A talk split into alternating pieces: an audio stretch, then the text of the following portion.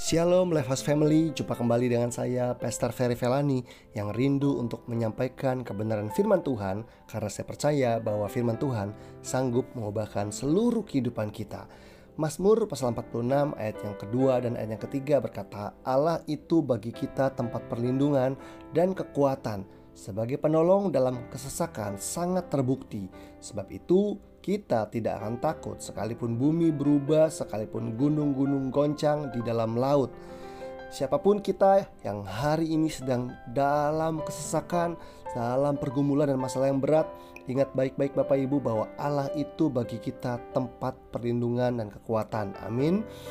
Dikatakan bahwa Allah itu artinya yang menjadi tempat perlindungan dan kekuatan adalah pribadi Tuhan. Ingat ya, pribadinya bukan sekedar berkat-berkatnya, bukan sekedar kuasanya.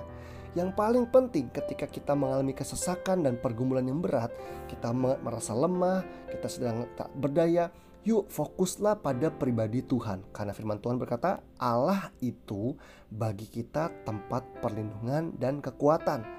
Pribadi Tuhanlah yang mampu mendatangkan tempat perlindungan buat kita yang sedang dalam bahaya, yang sedang mengalami ketakutan. Pribadi Tuhanlah yang dapat memberikan kita kekuatan saat kita lemah dan tidak berdaya.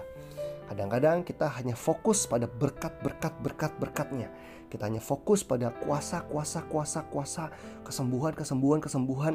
Padahal yang paling penting adalah mengenal pribadinya, mengenal isi hati Tuhan dan pikirannya, mengenali perasaan Tuhan, karena di balik pribadinya, di situ ada semuanya Bapak Ibu. Kadang-kadang ketika kita mengalami pergumulan, mudah bagi kita untuk fokus pada hal yang lain. Kita mencari pertolongan manusia, kita fokus sama masalah, tetapi Tuhan mau hari-hari ini ketika kita mengalami pergumulan, fokuskan diri kita, perhatian kita pada pribadi Tuhan. Ketika kita mengalami pergumulan, harusnya kita makin bersungguh-sungguh, makin berusaha untuk mengenal Allah. Allah adalah Allah yang rindu untuk dikenal kepada kita. Allah adalah Allah adalah Allah yang rindu untuk memperkenalkan dirinya kepada kita karena dia ingin berhubungan dengan kita, berinteraksi dengan kita dan menolong kita. Firman Tuhan berkata bahwa sebagai penolong dalam kesesakan sangat terbukti. Bapak Ibu, Allah adalah Allah yang rindu untuk menolong kita. Menolong kita dalam kesesakan sangat terbukti. Karena pemazmur punya pengalaman pengalaman yang membuktikan bahwa Allah terbukti sebagai penolong yang setia. Saya juga percaya bahwa Bapak Ibu pun pernah punya pengalaman ditolong oleh Tuhan. Amin.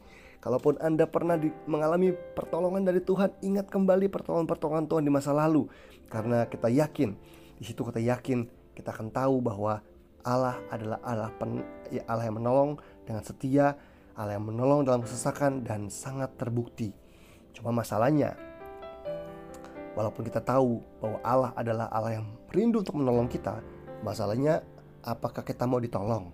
Karena ada banyak orang Kristen yang dalam masalah, yang dalam pergumulan yang paling berat, bahkan ada di titik paling rendah dalam hidupnya, tapi nggak mau ditolong.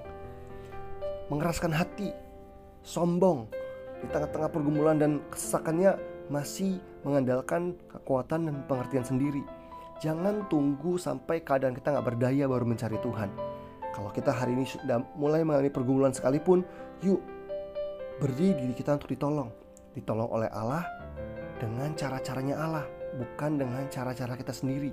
Kadang kita kecewa dengan Tuhan karena kita ingin ditolong dengan caranya kita, bukan dengan caranya Tuhan. Misalnya, ada orang yang punya masalah hutang. Hutang yang begitu banyak, baik itu karena kesalahan kita ataupun karena kesalahan orang lain.